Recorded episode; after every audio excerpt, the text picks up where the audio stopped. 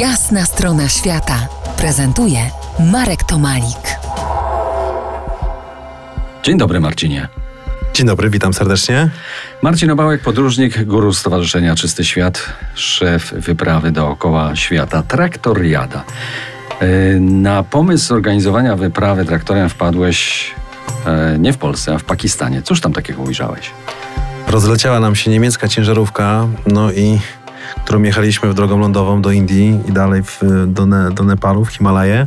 No i tutaj na, na pomoc ruszyły z pola dwa dzielne Ursusy C330. Także ja byłem po prostu pod takim niesamowitym wrażeniem, raz, że na końcu prawie że świata e, e, no, spotyka się nasze, nasze maszyny, no i tak sobie skakały po tych, po tych bruzdach, mówię i polach, mówię, kurczę, nie ma lepszego samochodu terenowego nad traktor, a jeżeli mówimy o traktorze, no to nie ma lepszego niż traktor polski oczywiście. Pamiętnego dnia, 11 września 2001 roku, odebrałeś telefon. E, Nie bałeś się? Wieże World Trade Center się wtedy waliły?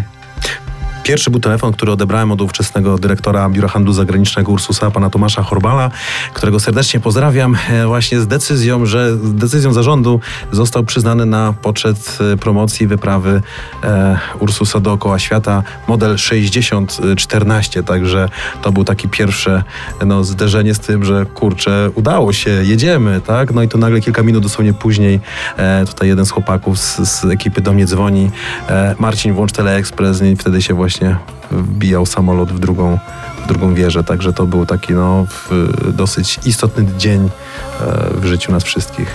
Jakiś czas potem ruszyliście z traktorem przez ocean do Argentyny, a tam z maksymalną prędkością 30 km na godzinę na zachód, już nie taki dziki zachód.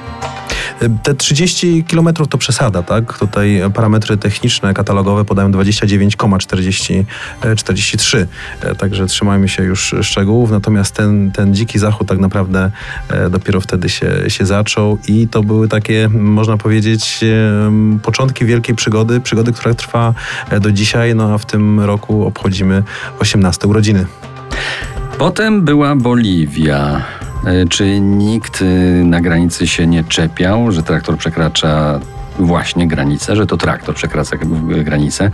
W dodatku, że to jest traktor z Polski?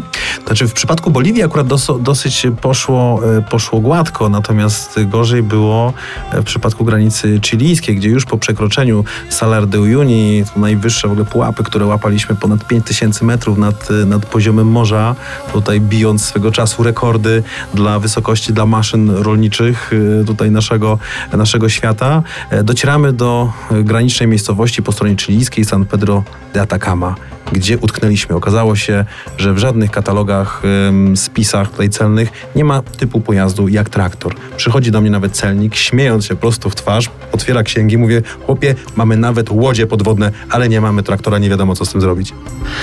Ty już zajechałeś do Chile, a my jednak pozostaniemy w Boliwii, bo tam w Boliwii przeobraziłeś się w archeologa poszukującego bolków.